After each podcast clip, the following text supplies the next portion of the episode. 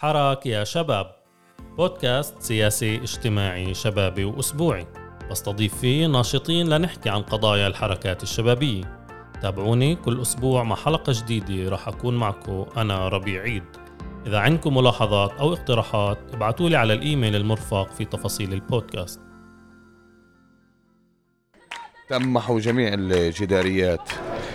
في ساعات فجر الأولى من قبل طبعا أذناب السلطة لأن أي وطني وأي إنسان حر ووطني لا يمكن أن يمحى جداريات وطنية إن كان للشهيد باسل الأعرج وإن كان للشهيد محمد أبو خضير إن كان لشهداء الناصرة الثلاث السؤال مين اللي عم بحاربنا؟ هل هن الناس المسؤولة؟ في كتير أسئلة براسنا على كل موضوع محاربة رسم الجداري الجداريات بالناصري مين هاي العصابة اللي عم بتقوم بمحو تاريخ وقضية كاملة؟ هو تقدر تشوف الارتيفيزم العربي حركة اجتماعية بالمعنى العربي. انه في شيء من المشترك الكبير الحراكي يعني منتمي إلى الرغبه في التعبير عن الذات اللي ما تقدرش القنوات التقليدية تستوعبه. فبفكر إنه بكل مرة رح تنمح الجدارية رح تتجند ناس أكثر لأنها تعود ترسم الجدارية من اول من أول بجديد.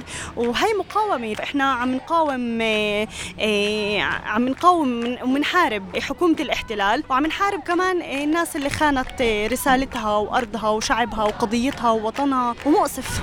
ما نقوله أنه هذه معركة. هي معركة على هوية البلد وعلى صورة البلد وعلى انتماء أهل البلد. هذه المعركة يجب علينا أن ننتصر. حتى لو كنا لا نستطيع ولكن يجب أن ننتصر وسننتصر كما انتصرنا في جميع معاركنا السابقة.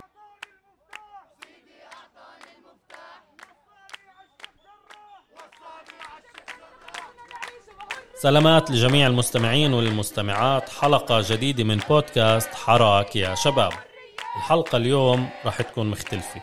رح نطلع من الاستوديو ونروح على مدينة الناصري لنحكي عن فن الجرافيتي ونعمل حلقة ميدانية عن تخريب الجداريات الوطنية. في الشهر الأخير شهدت مدينة الناصري تخريب متعمد للجداريات مرتين جزء منها عمره سنوات. هذا التخريب مش معروف مين اللي عم بيقوم فيه. أصابع الاتهام توجه نحو بلدية الناصري ورئيسها علي سلام. نفس الوقت البلدية أصدرت بيان لوسائل الإعلام قالت فيه إحنا ملناش علاقة ومنعرفش مين اللي بخرب في المقابل الحراك النصراوي الفلسطيني اللي عم بيكون قيم على تنفيذ هاي الجداريات طالب البلدية بالكشف عن تسجيلات لفيديوهات بحوزة البلدية اللي ممكن تكشف هوية الفاعل إلا أنه الناشطين في الحراك النصراوي الفلسطيني مصرين على إعادة الرسم في كل مرة بيصير فيها تخريب. وخبروني خلال مقابلتي معهن خلال زيارتي لمدينة النصر السبت الماضي إنهن راح يفتحوا معركة مع هذا التخريب ومن يقف من وراءه من خلال تحويل جميع جدران مدينة الناصر إلى جداريات وطنية. ويبدو أن المعركة مستمرة خصوصا أنه قضية الجرافيتي والرسومات صارت قضية رأي عام في الناصري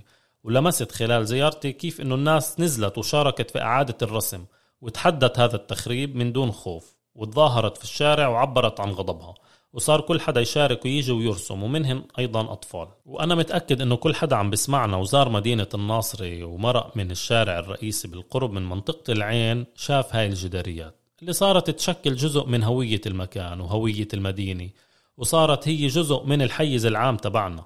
وهاي الرسومات بتشمل جداريات لشهداء فلسطينيين منهم شهداء مدينة الناصري عمر عكاوي وسام يزبك وإياد لوابني اللي استشهدوا برصاص قناصة الشرطة الإسرائيلية خلال انتفاضة القدس والأقصى عام 2000 وأيضا شهداء مثل باسل الأعرج ومحمد أبو خضير. وكذلك كان في جدارية للفنان الراحل الباقية معنا ابنة مدينة الناصري ريم بنا. وكمان رسمت رسمة جديدة للشهيد نزار بنات اللي استشهد على أيدي قوات السلطة الفلسطينية. بهاي الحلقة رح نسلط الضوء على تجربة مدينة الناصري ورسومات الجرافيتي إلا أنه في أعقاب الهبة الشعبية الأخيرة شهدنا امتداد للجرافيتي في كل فلسطين.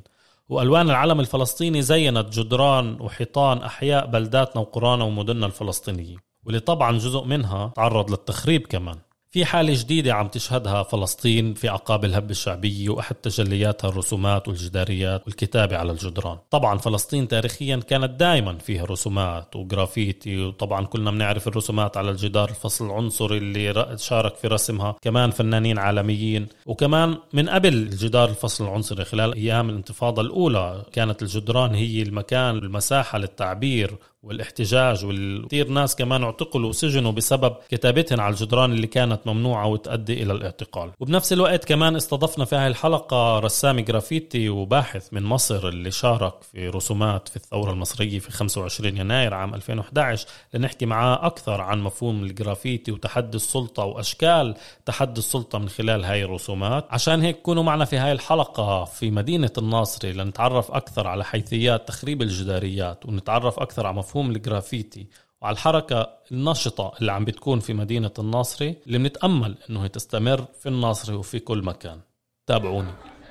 منهى الحايك ناشط سياسي في الحراك النصراوي الفلسطيني؟ معنا اليوم لنحكي عن كل قضية محو جداريات الوطنية اللي عم تنرسم في مدينة الناصر في الفترة الأخيرة. شهدنا العديد من عمليات التخريب المتعمدة لجداريات اللي أنتم كنتوا يعني وراءها بتنفيذها من خلال نشاط شعبي وجماهيري اللي شارك فيه رسامين جرافيتي. تحكي لنا أكثر عن كل قضية الرسم الجرافيتي اللي أنتم آه، عم تعملوه عن التخريب اللي عم بيصير. اولا رسم الجرافيتي اللي بيصير أو الجداريات اللي عم بتكون بالبلد هي بلشت يعني من سنة 2011 اللي بلشت فيها مجموعة شباب ومن ثم أحد الأجسام السياسية بالبلد. وللصدق يعني أنه غالبية الجداريات تم رسمها عن طريق أحد الأجسام السياسية أو كتلة شباب التغيير بالبلدية. إحنا كحراك نصراوي في في ظل الأز... الهبة الأخيرة الهبة الشعبية الشبابية اللي كان الأخيرة اللي كانت قبل شهر ونص. ف كان واجب علينا أنه نخلي إيه طبعة في وجه جميع من يمر بالبلد فرسمنا جدارية اللي هي تخص كل فلسطين اللي رسمنا عليها كانت تسمى فلسطين صارت تسمى فلسطين وب وبجانبها صورة الشاب مع الحطة الفلسطينية ومع العلم. هذا يدل إنه هذا الجيل الشاب هو جيل مناضل ومقاوم فيستمر بالمقاومة. أما فيما يخص محو الجداريات كما يعلم الجميع قبل أسبوعين تم محو جميع الجداريات في ساعات فجر الأولى من قبل طبعا أذناب السلطة لأن أي وطني وأي إنسان حر ووطني لا يمكن أن يمحى جداريات وطنية إن كان للشهيد باسل الأعرج وإن كان للشهيد محمد أبو خضير ام كان لشهداء الناصره الثلاث الذين ارتقوا في هبة أكتوبر 2000 وقمنا برسم الجداريات من جديد بعد يوم من محوها وتخريبها. لكن قبل أسبوع تفاجأنا نسبيا يعني إنه قسم منا تفاجأ قسم لم يتفاجأ. استيقظنا صباحا أيضا على التخريب ولكن هذه المرة بمادة ولكن زفتة كيف عرفنا؟ كانت زفتة آه، بطريقة أوسخ تعال نسميها بالعامية. آه، محو جداريات آه، بشكل تقريبا كامل. فهذا يستدعي رسم الجداريات ليس ترميم الجداريات بل رسم الجداريات من جديد. قمنا بتجهيز الجدران آه، يوم أمس لإعادة رسم الجداريات. سنقوم برسم الجداريات اليوم مساء من جديد. بالإضافة إلى رسمة أو جدارية جديدة تحمل صورة الشهيد نزار بنات مع مقولة سياسية واضحة. طيب يعني هاي التخريب المتعمد اللي شهدته الجدريات واللي هي جدريات زي ما قلت كان موجودة إلها سنوات وبترتبط قضايا شعبنا وكمان شهداء الناصري. يعني حسب رأيكم مين الجهة اللي بتقف وراءها؟ أنت يعني سميت أذناب السلطة. هل في جهة أكثر يعني مباشرة أنتم بتوجهوا أصابع اتهام اتجاهها؟ أصبع الاتهام يوجه طبعا. إيه لمن له مصلحة في هذا الشيء ومن لمن له مصلحة في ازدياد السياحة بين مزدوجين اليهودية والتي هي صهيونية في البلد. ولذلك تمحى الجداريات يوم فجر أيام الجمعة أو فجر أيام السبت. أما الجهة المباشرة لا يمكننا كيل الاتهامات بشكل عشوائي ما دمنا لا نملك أي توثيق آه، واضح. ولكن تقديرا وتحليلا من يملك التسجيلات ومن لديه التسجيلات ومن يدعي أنه ابن هذه الناصرة يستطيع أن آه، يكشف هذه التسجيلات ولكنه لم يفعل هذا. ونحن هنا نتكلم عن بلدية الناصرة اللي هي المسؤولة الوحيدة والمباشرة عن هذه عن تسجيلات الكاميرات المراقبة الموجودة بالشارع. هي لم تفعل هذا فهذا يضعها دائما في موضع الشك. يعني أنتم توجهتوا وطالبتوا ببيان رسمي للبلدية بفتح التسجيلات والكاميرات لمعرفة يعني مين اللي خرب هاي الجدريات. شو كان يعني رد البلدية وكيف تواصلكم مع البلدية؟ إيه طبعا البلدية تجاهلت هذه البيانات وتجاهلت هذه المطالب وأيضا تجاهلت رسالة من أحد أعضاء البلدية حول هذا الموضوع تجاهلته تجاهل تام. فهذا هو نهج البلدية الجديد الموجود اليوم. هذا هو نهج البلدية المتهرب من كل قضايا القومية الذي يتبرأ ما بين مزدوجين من فلسطينيتنا نهج بلدية الناصرة هو نهج يعني أقرب إلى الإسرائيلية. ف بصراحة نحن لا نعول عليهم ولا نعول على تسجيلاتهم ولن يخرجوا التسجيلات ولكننا نطالبهم من أجل زيادة الوعي عند الناس لكي تعرف من هو شريك مباشرة أو بشكل مباشر أو بشكل غير مباشر بمحو هذه الجدريات؟ وبتفكر يعني ممكن يكون في ضغط أكثر على البلدية لتكشف آه، يعني عن التسجيلات؟ آه، البلدية إذا تحكيها باللغة العامية مكلحة. فمش راح يأثر إشي عليها للأسف. طيب آه، منهل أحنا كمان حابين يعني نحكي عن كل نشاطكم في الحراك النصراوي الفلسطيني آه، بشكل عام غير الجداريات. تحكي لنا عن يعني فكرة الحراك وكيف تأسس وشو النشاطات اللي بتشتغلوا عليها؟ الحراك النصراوي الفلسطيني تشكل ب أو بلشنا نتجمع ببدايات شهر فبراير هاي السنة اللي هي مجموعة من الشباب والصبايا من أبناء هذا البلد. اللي شفنا كل هذا الركود الوطني الموجود بالبلد شفنا كل وضع البلد السيء جدا مليان بالآفات إن كان خاوة إن كان جريمة وعنف وإن كان آه، آه، محو للهوية الفلسطينية بين جيل الشباب وبين أهل البلد وارتفاع قيمة الأنانية عند كل فرد وفرد. فتجمعنا من أجل محاولة النهوض بالناصرة من أجل غد أفضل والتحام الناصرة مع كلها الفلسطيني إن كان في الضفة أو غزة أو قدس أو في الشتات. آه، وكان المفروض تكون باكورة أعمالنا بيوم 15 خمسة اللي هو برنامج أعلنا عنه من من بداية شهر آه، أربعة اللي هو إضاءة شعلة العودة اللي كان لازم يكون برنامج بالتزامن مع عشرات البلدات العربية بالداخل. وفي الضفة وغزة والشتات وحتى عواصم أوروبية. ولكن آه، كانت الهبة الجماهيرية وعند وعند البدء الاعتداءات على المسجد الأقصى وقبلها على الشيخ جراح وسلوان وكل قضايا شعبنا المعروفة للجميع رأينا أنه واجب علينا أن نتحرك حتى ولو لسنا منظمين بما يكفي. فابتدأنا بالمظاهرات وكانت بداية مظاهراتنا هي في الأول في التاسع من أيار. ومن هناك كان التصعيد في الناصرة وكانت المظاهرات. وكنا جزء لا يتجزأ من هذه المظاهرات التي هبت في الناصرة. وكذلك جزء لا يتجزأ من الدعم للمعتقلين وأهالي المعتقلين بشتى الوسائل والطرق إن كان في من خلال المحاميين وتقديم المساعدات للأهل و المساعدة النفسية والمجتمعية التي قدمناها. يعني أنا هون منهل حابب كمان نحكي أكتر. الناصري يعني زي إنه كمان فاجأتنا بعد إنه غياب لعمل آه، سياسي وشبابي كبير بسبب يعني عدة ظروف مرقت فيها المدينة وكمان إفرازات آه، التناحر في انتخابات البلدية. فكانت الهبة هيك عودة للحراك السياسي والمظاهرات الوطنية في في البلد. إيه، فتحكي لنا أكثر عن عن الجو اللي عم بيكون اليوم موجود في مدينة الناصري وأثر الهبة على على هاي الأجواء. أثر الهبة يعني عم نشوفه واضح في بالحياة اليومية بالبلد. إن كان في بلدة القديمة عم نشوف حياة حيوية ثقافية عم بتكون بشكل يومي بالبلد. إيه، إن كان الانتماء الإنسان النصراوي للناصر وللبلد لا يعني في أمل في أمل عم عم يرتسم في مخيلة كل واحد وواحد من أهل البلد. آه، اللي عم نشوفه يترجم حتى بالأعمال التطوعية. لما قمنا بالعمل التطوعي كان في ما يقارب ال 80 90 شاب وصبي يقومون بعمل تطوعي في أحياء البلد.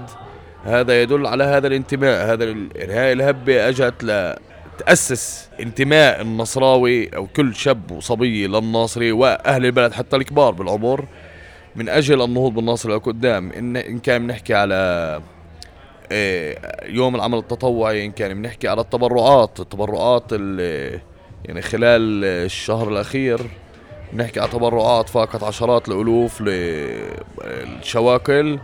إن كان بتمويل بساط إن كان بتمويل حتى الجداريات يعني إذا بنحكي على الجداريات ذكرناها سابقا إيه، منذ لحظة الإعلان هذه المرة عن تخريب الجداريات خلال نصف ساعة كان لدينا التمويل الكامل من أهل البلد. الناس تتوجه إلينا ولسنا نحن نتوجه للناس وهذا شيء إيجابي. يعني الناس في دعم لكم في نشاطات الرسم الجرافيتي. طبعا الناس داعمة وأهل البلد بأساسها ومعدنها طيب. طبعا هنالك زمرة هنا وزمرة هناك هي تحارب هذه الجداريات ولكنها تحارب بالخفاء ولا ولا تتجرأ أن تحاربها في العلن. فهذا اللي نقول الذي نقوله. طيب منهل أنا هيك بدي نرجع نحكي شوي آه، كمان عن الجداريات؟ يعني ليش أنتم بتشوفوا إنه في أهمية لوجود جداريات؟ يعني في حالة متميزة للناصرة عن باقي البلدات العربية. إذا جينا نحكي عن جرافيتي كفن احتجاجي سياسي اجتماعي اللي مش موجود يعني كظاهرة كبيرة في الداخل وبلش يكون موجود أكتر بعد الهبة الأخيرة وصرنا نشوف. بس الناصرة كانت من قبل من قبل في يعني حالة موجودة. شو أهمية وجود رسمة آه، أو جدارية على محل في الحيز العام ظاهرة آه، بتحمل آه، معاني وطنية؟ الجداريات هي مش مجرد نسميه رسم أو هواية. الجداريات هي يعني صور الجداريات كما سميناه في الناصرة هو أهم من لوح الصف يعني. لوح الصف بعلمني لغة. أما الجداريات بتعلمني هويتي بتعلمني هويتي الفلسطينية بتعلمني انتمائي. فمش بالصدفة إحنا بننتقي الجداريات بشكل بشكل مدروس. يعني ليس كل جدارية نختارها بشكل يعني ليس كل جدارية أو كل رسمة تعرض علينا ممكن أن نرسمها. فليس صدفة أن جدارية آه، محمد أبو خطير مكتوب عليها أيضا أن شعار معين يخص غزة. فهذا يدل أيضا على التلاحم ما بين الضفة وغزة في ظل الانقسام الموجود. وليس صدفة أن رسمنا باسل الأعرج وليس شهيدا آخر. لكون باسل الأعرج هو شهيد مثقف المشتبك. وهذا يدل على رسالتنا للناس لأن ليس المهم أن تكون مثقفا بل الأهم أن تكون مشتبكا وبثقافتك تدعم اشتباكك. ف وأيضا رسالة في ما يخص بأس الأعرج وكل كل الاعتداءات والاعتقال الذي واجهه من سلطة العار الفلسطينية. أما الجداريات بالعام وكذلك يوجد جدارية طبعا عن شهداء النصر الجداريات عندما يمر أي إنسان يرى الجداريات حتى ولو أنه لا يعلم من هو باسل الأعرج سيذهب لو بعد شهر ويبحث عن باسل الأعرج هي تروي هي تذكر هي تروي أولا تاريخ شعبنا الفلسطيني والكفاحي والنضالي في السنوات الأخيرة وأيضا منذ النكبة.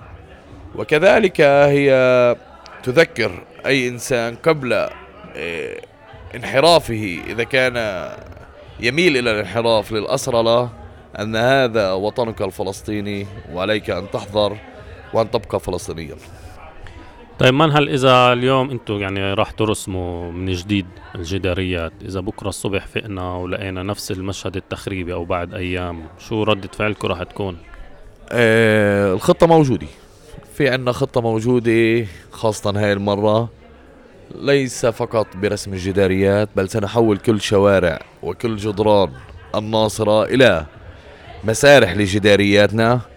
وليس فقط جداريات منظمة بل ستكون جداريات عشوائية حيث لن يتمكن أي شخص بمحو جميعها. وإذا محوها مرة أخرى نستطيع خلال يوم واحد بإعادة رسم كل أسوار البلدة بالجداريات ما نقوله أنه هذه معركة. هي معركة على هوية البلد وعلى صورة البلد وعلى انتماء أهل البلد. هذه المعركة يجب علينا أن ننتصر. حتى لو كنا لا نستطيع ولكن يجب أن ننتصر وسننتصر كما انتصرنا في جميع معاركنا السابقة. وهذا ما سيكون. الجدريات لربما ستمحى كما هو متوقع. لربما ستمحى يعني. وهذه المرة في المرة الأخيرة كان لدينا توقعات أنها ستمحى خاصة بعد التحقيقات التي واستدعي إليها بعض النشطاء حول الجداريات. تحكي لنا عن هاي التحقيقات إيش يعني دعوكوا إيش سألوكوا إيش صار فيها؟ يعني التحقيقات كانت تحقيقات سخيفة في بإدعاء إنه تخريب الجدار. في تحقيقات للأسف يعني كانت بس مجرد تخويف. ولكنها لن تثني أي شخص يعني. نحن جيل واعي شباب واعي. إيه، ذهبوا للتحقيق كان المفروض في الملف هذا موجود تسعة أشخاص ولكن إيه، استدعوا اثنين وبعد التحقيق مع اثنين تراجعوا عن كل هذه التحقيقات لأنهم يعلمون أن أننا جيل واعي وليس جيل جاهل. وأننا نعي تماما ما هي حقوقنا وما هي القوانين وما يتطلب منا وماذا ماذا لنا وماذا علينا. وكل تهم باطلة حتى لم يعرضوا أي إنسان للمحكمة لأنهم لا يوجد لديهم أي أدلة أو ليس أي أدلة, أدلة نحن نحن نرسم بالعلن وليس بالخفاء. ليس لا يوجد لديهم أي دليل أي مرجع قانوني لمحاكمتنا. ولو كان لديهم أي مرجع قانوني لحاكمونا.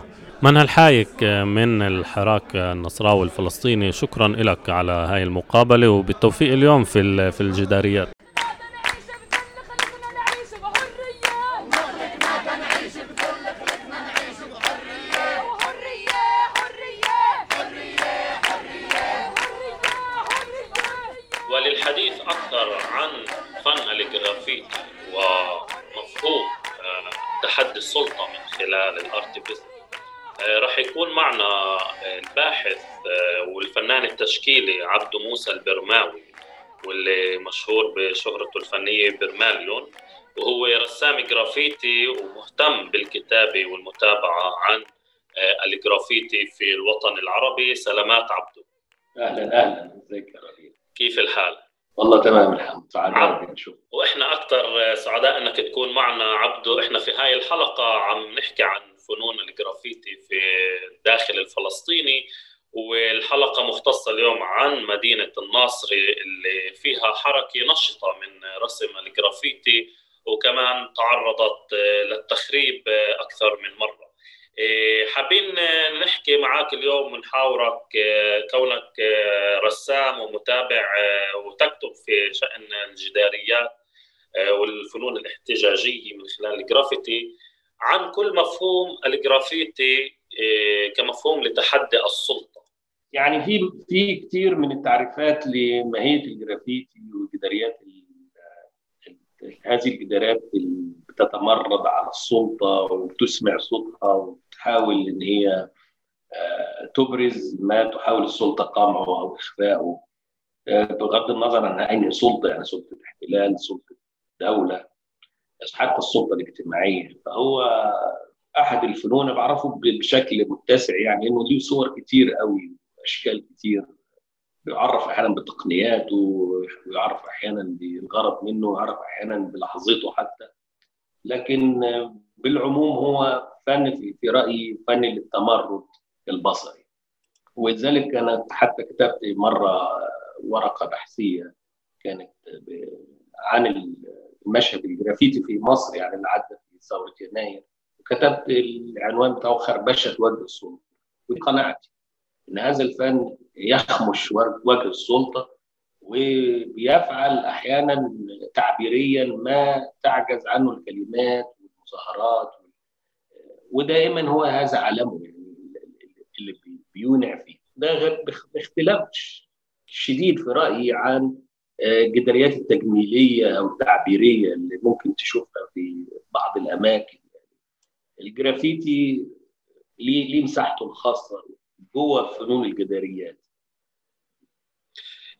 يعني إحنا بنلاحظ إنه الجرافيتي كتحدي للسلطة بقف من وراءه ناشطية من خلال الأرتيفيزم.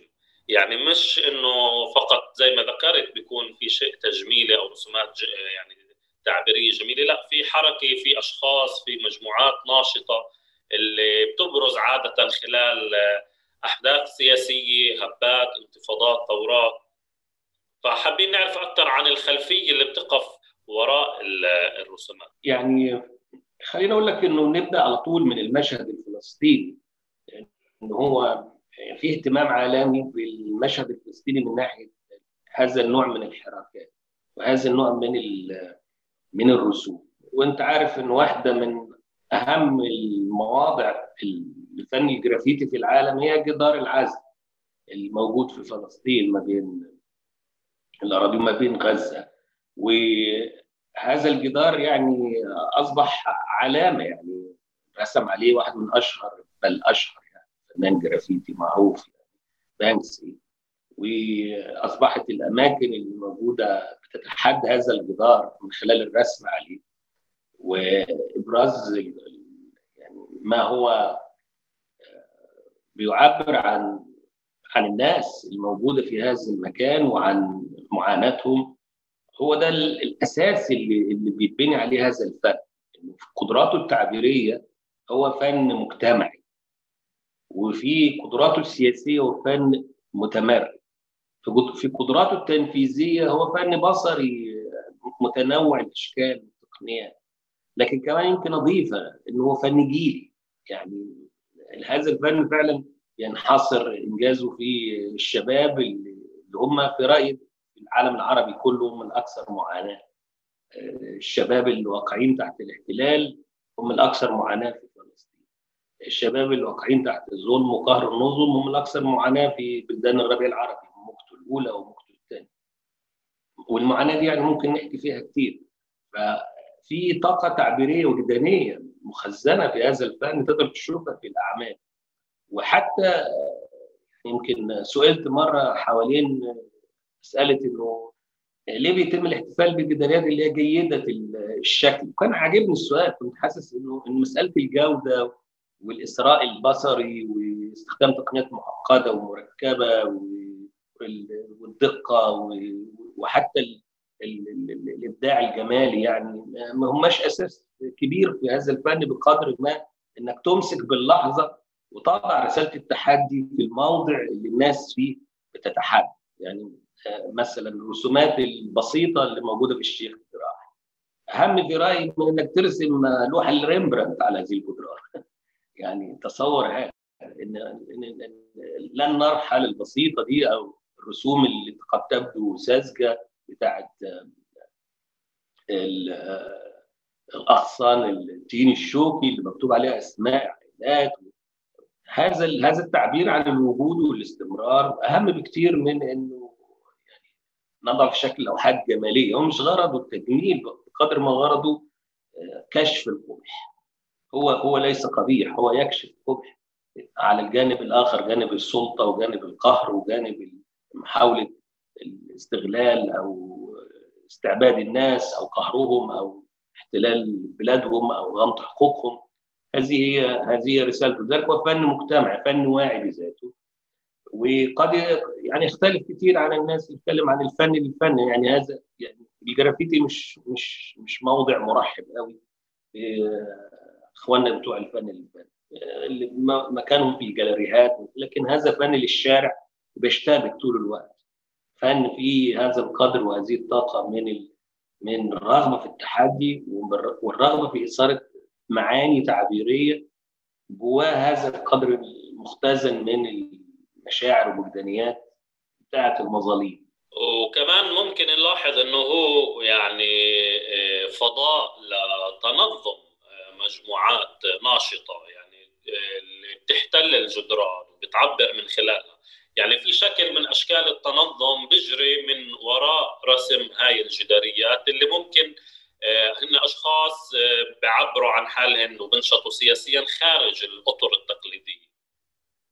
هو تقدر تشوف الارتيفيزم العربي حركة اجتماعية بالمعنى العربي.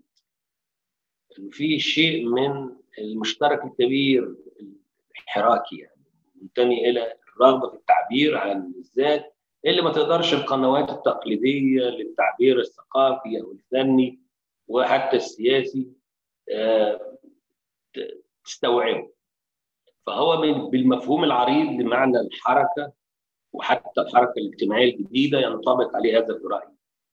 آه، لما بنشوفه الجينيالوجيا بتاعته إزاي بتطور في بعض المجتمعات يعني في سواء في فلسطين أو في مصر أو في تونس أو حتى في السودان وفي العراق هو بيبدأ بمبادرة عفوية زي كثير من الحركات اللي حصلت في العالم العربي. ما كانتش منظمة مخططة هو هو استبق بسبب الحركة دي اللي طلعت تواجه الظلم والقهر والاستقلال والاحتلال. لأنها بتطلع بيبقى في قادح أو تريجر أو ثير يخرج الناس وبتطلع الناس تتكلم. في إرث موجود سابق بيغذي الحركة اللاحقه أنا مش عفوية تامة لازم نقول إن هي خليط كده. لكن كمان هي واعية بذاتها. لما الناس بتطلع فرادى وبتطلع في حم في حموه وسخونة الحدث بيبقى تعب بسيط. اللي معاه بخاخ بيكتب على الحته اللي يسقط فلان آه، الشعب يريد إسقاط النظام وهكذا. بتبقى الطاقة التعبيرية الأولى هي طاقة لغوية حروفية. عايزة تقول تثبت في المدى البصري الصوت. يعني مفيش اختلاف كبير ما بين الصوت اللي بتسمعه في الهتاف وما بين اللي بتقراه على الحيطان في هذه اللحظة. يجي بعد كده يضاف الحمولة التعبيرية البسيطة. الناس بتبدأ تعمل بقى أيقونات تبخ آه، حتة ستنسل صغيرة يعملوا بورتريه لحد يرمزوا شهيد وقع كده. وبعدين المعنى الضحوي بتاع هذا النضال بيبدأ يستدعي بقى إن الناس تتفق مع بعض. واخد بالك؟ فهنا بينشأ فكرة انه إنه ان, إن بتحصل أرضية ما اللي الناس تشوف بعض. ال social media بتساعد على إنها تعمل فضاء للتلاقي والتنسيق. تمام؟ والتوثيق حتى. وإحنا اتكلمنا أنا وأنت مرة عن مسألة قضية التوثيق وعمقها يعني وضرورتها. ممكن نحكي فيها لاحقا. المرحلة يمكن الثالثه هي اللي بيحصل فيها بقى إن يجي ال professionals يجوا أول ما يجي الناس ال professionals هم محترفين بيعرفوا يرسموا خريجين فنون جميلة مصممين graphics يعني دول عندهم شيء أكثر من القدرة التعبيرية الأكثر عمقا. والمحترفين للجرافيتي بيعيدوا صياغة الموجتين الأولانيتين دول. إن كمان بيقدروا يشتغلوا مع بعض فبتلاقي في مبادرات. هنا بقى بتضم دول ودول فيبدا يتعمل مبادرة مثلا to occupy أو يروح نحتل حائط ونبقى 30 40 واحد ونروح نرسم عليه وهكذا. مش بالضرورة هذه الحركات الفنية والارتيفيزم يبقى شبه مثلا الجمعيات الأهلية أو شبه الأحزاب السياسية وحتى الحركات الطبيه والعمالية وغيره والحركات الحركة النسوية. لا هو هو في شيء يجمع بين السيوله التنظيميه قليلا وبين القدرة على إنجاز شيء في الأرض. يعني هو قدرته الحركية أقوى من قدرته التنظيمية. يعني مش هتلاقي مجموعة واضحة لها رئيس وعندها برنامج عمل وحاطين مانيفيستو يعني للحركة ولا حتى في أي حتة في العالم تقريبا يعني. لكن الحضور موجود. ما بتقدرش تنكر إنه مثلا منى منى الكرد والشباب في الشيخ راح على انستغرام إحنا هنحتفي هنحيي ذكرى النكبة من خلال رسوم الجرافيت. فاصبح هو أداة تعبيرية حتى الحركات السياسية لكن اللي بيفعلوا اللي بيستجيبوا لهذا هم اللي عندهم هذه الطاقة الفنية والرغبة في التعبير الفني. عشان كده يعني يمكن التمييز أحيانا تمييز نقدي يعني تمييز أكاديمي شوية. لكن هم مش ما في المش في مندمجين في إطار الحركات اللي بتحصل سواء اجتماعية أو سياسية. لكن أحيانا بتحصل موجات آه، أو مبادرات هي فنية خالصة. بنروح مثلا بيحصل الناس عايزة تعبر عن قضية ما في غير سياق الاحتجاج المباشر المظاهره أو الاعتصام ويروحوا ياخدوا ده ينقلوه إلى مستوى حركي مختلف شوية. هي دي الصور اللي يمكن بتقول لك على قضية تنظيم في مسألة الارت آه عبد موسى أنا جدا بدي أشكرك على هاي المداخلة والمشاركة معنا في هذا البودكاست على أمل إنه يكون في تواصل قادم و والناصري والقاهرة. دائما يعني كان خصوصا في الثورة المصرية كان في تواصل ومظاهرات خروج تأييد وهذا الحال العابري لكل الحواجز اللي أفرزتها الثورات العربية وقضية فلسطين دائما كانت موجودة. شكرا كثير لك وبدعو يعني كمان المستمعين ممكن البحث في جوجل عن أعمال عبده البرماوي وبتشوفوا هناك مجموعة من الرسومات اللي, اللي عملها عبده شكرا مرة أخرى. عذرا على الخروج عن الحوار. بس بدي أحكي للمستمعين إنه يتابعونا في منصات البودكاست المختلفة. اعملوا لنا subscribe و follow وبتلاقونا في موقع عرب 48 مع كل حلقات البودكاست. متابعتكم إلنا مهمة كثير وبتساهم في نجاح البودكاست وعشان تضلكم عارفين عن كل الحلقات الجديدة. أنوار شرارة ناشطة شبابية وسياسية وكمان موسيقية. تحكي لنا يعني عن تجربتك آه، كبنت مدينة الناصري بكل موضوع الجداريات اللي كانت تنرسم واللي تعرضت مؤخرا للتخريب آه، كيف أنت عشتي هاي التجربة وكيف تابعتي هذا الموضوع؟ تمام بحب أبلش أول شيء بكل قضية محاربة الفن. محاربة الفن هي مش بس لرسم الجداريات بكل أنواع الفنون إن كان موسيقى إن كان رسم جداريات إن كان حتى مسرح وتمثيل بكل عرض وطرح القضايا اللي إحنا كشباب وصبايا عايشينها ومنعيشها بشكل يومي. فمحاربة رسم الجداريات ومحوها في كل مرة بنقوم بإعادة رسمها هاي جريمة جريمة بحق القضية جريمة بحق صوتنا بحق آه، الناس اللي إحنا عم نحاول نخلد ذكراها في رسمهن بهاي الجداريات. آه، في حق القضية بحد ذاتها. إحنا هاي الجداريات عم عم نرسمها وعم نحطها قبال وجوه الناس عشان ما ينسوا تاريخهن. هي جزء من تاريخنا وحضارتنا وكل ال... كل شيء كل مو... كل المواقف اللي مرقناها. هي تخليد لذكرى الشهداء. اللي رحلوا لأجل القضية ولأجل التاريخ ولأجل إنه قضيتنا تستمر مش توقف. مين اللي عم السؤال مين اللي عم بحاربنا؟ هل هن الناس المسؤولة؟ في كتير أسئلة براسنا على كل موضوع محاربة رسم الجداريات بالناصري.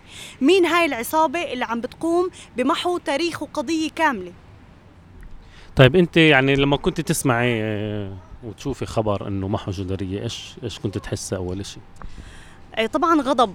يعني إحنا اليوم للمرة الثالثة رح ننزل إنه موجودين حاليا ورح نقوم برسم هاي الجدارية. في فنانين عم بتطوعوا من وقتهن وفي كمان شباب وصبايا عم بتطوعوا من وقتهن ليجوا يعيدوا بناء هاي القضية. بديش أقول رسم الجدارية وبس لا هاي قضية بحد ذاتها.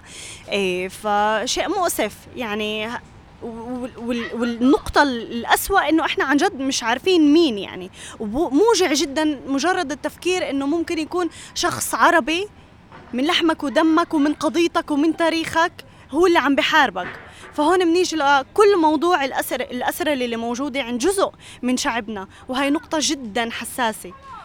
بدي أطلب من كل شخص طلع من من من خطه من قضيته من وطنه يرجع يوقف معنا.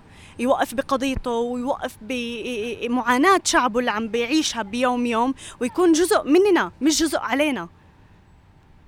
okay يعني إسا بعد شوي آه، هاي هون الناس بلشت تتجمع وبلشوا بإعادة رسم آه، الجرافيتي. وواضح إنه الموضوع صار يعني كمان قضية آه، رأي عام يعني في الناصري والناس عم تدعم وفي ناس كمان تبرعت بكل المواد المطلوبة للرسم. وبنحكي عن جداريات كبيرة وكمان مرسومة بشكل فني جميل وهي بمركز يعني مدينة الناصر اللي رايح واللي جاي على الشارع الرئيسي بشوفها إيه كيف بتفكر إنه ممكن يعني مواجهة عملية التخريب اللي عم بتصير وهل ممكن نشهد كمان تخريب؟ إيه، أول إشي بدي أقول شكرا لكل رسام عم بيجي وعم بعطي من وقته وطاقته مع إنه هن بتعبوا كتير. يعني رسامين بيجوا وبقعدوش خمس دقايق عشر دقايق وبروحوا. لا فعليا الإشي بده جهد وبده تركيز وهن عم بيجوا بعطوا بكل طاقتهن. لسبب إنه الفنان اللي عنده رسالة بآمن فيها الفنان الإنساني صاحب القضية أنا متأكدة لو للمرة المية رح يجي ويرسم ويقوم بنفس العمل. لأنه بآمن بفنه بآمن برسالته اللي هو حاملها وبوصلها عن طريق فنه. فشكرا إله شكرا إلهن أولا قبل كل إشي. رح نشهد كمان تخريب وارد جدا. إحنا هاي المرة تعمدنا إنه نأخر إعادة ترس... إعادة رسم الجداريات. ليش؟ لأنه بدنا الناس تنتبه إنه في هون شحابير سودا عم بحطوها على إيه، إيه، وجوه ناس قاومت عشان قضيتها واعطت وأعطت عشان قضيتها.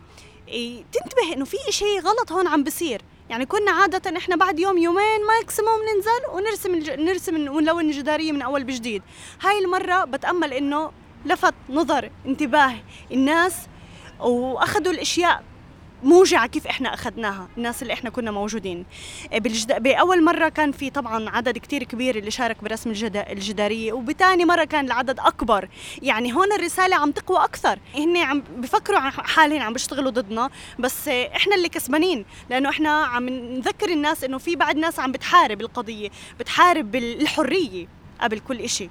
فالناس عم تنضم بشكل كتير أكبر. بتأمل إحنا اليوم يعني بعدها مش صاير وقت بعده مش صاير وقت الرسم الجدارية بس عم نشوف أنا وياك إنه في أشخاص اللي موجودين وفي ناس اللي رح تنضم ويكون العدد كتير أكبر من قبل من من, من أكتر من قبل.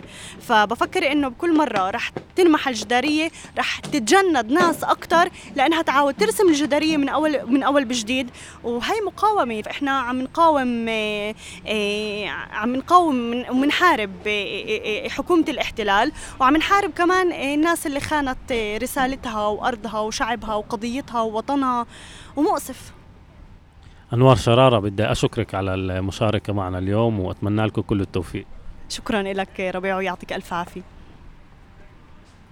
في الختام بحب أشكر جميع الضيوف اللي شاركوني لليوم في حلقة بودكاست حراك يا شباب حول جداريات الناصري وفن الجرافيتي.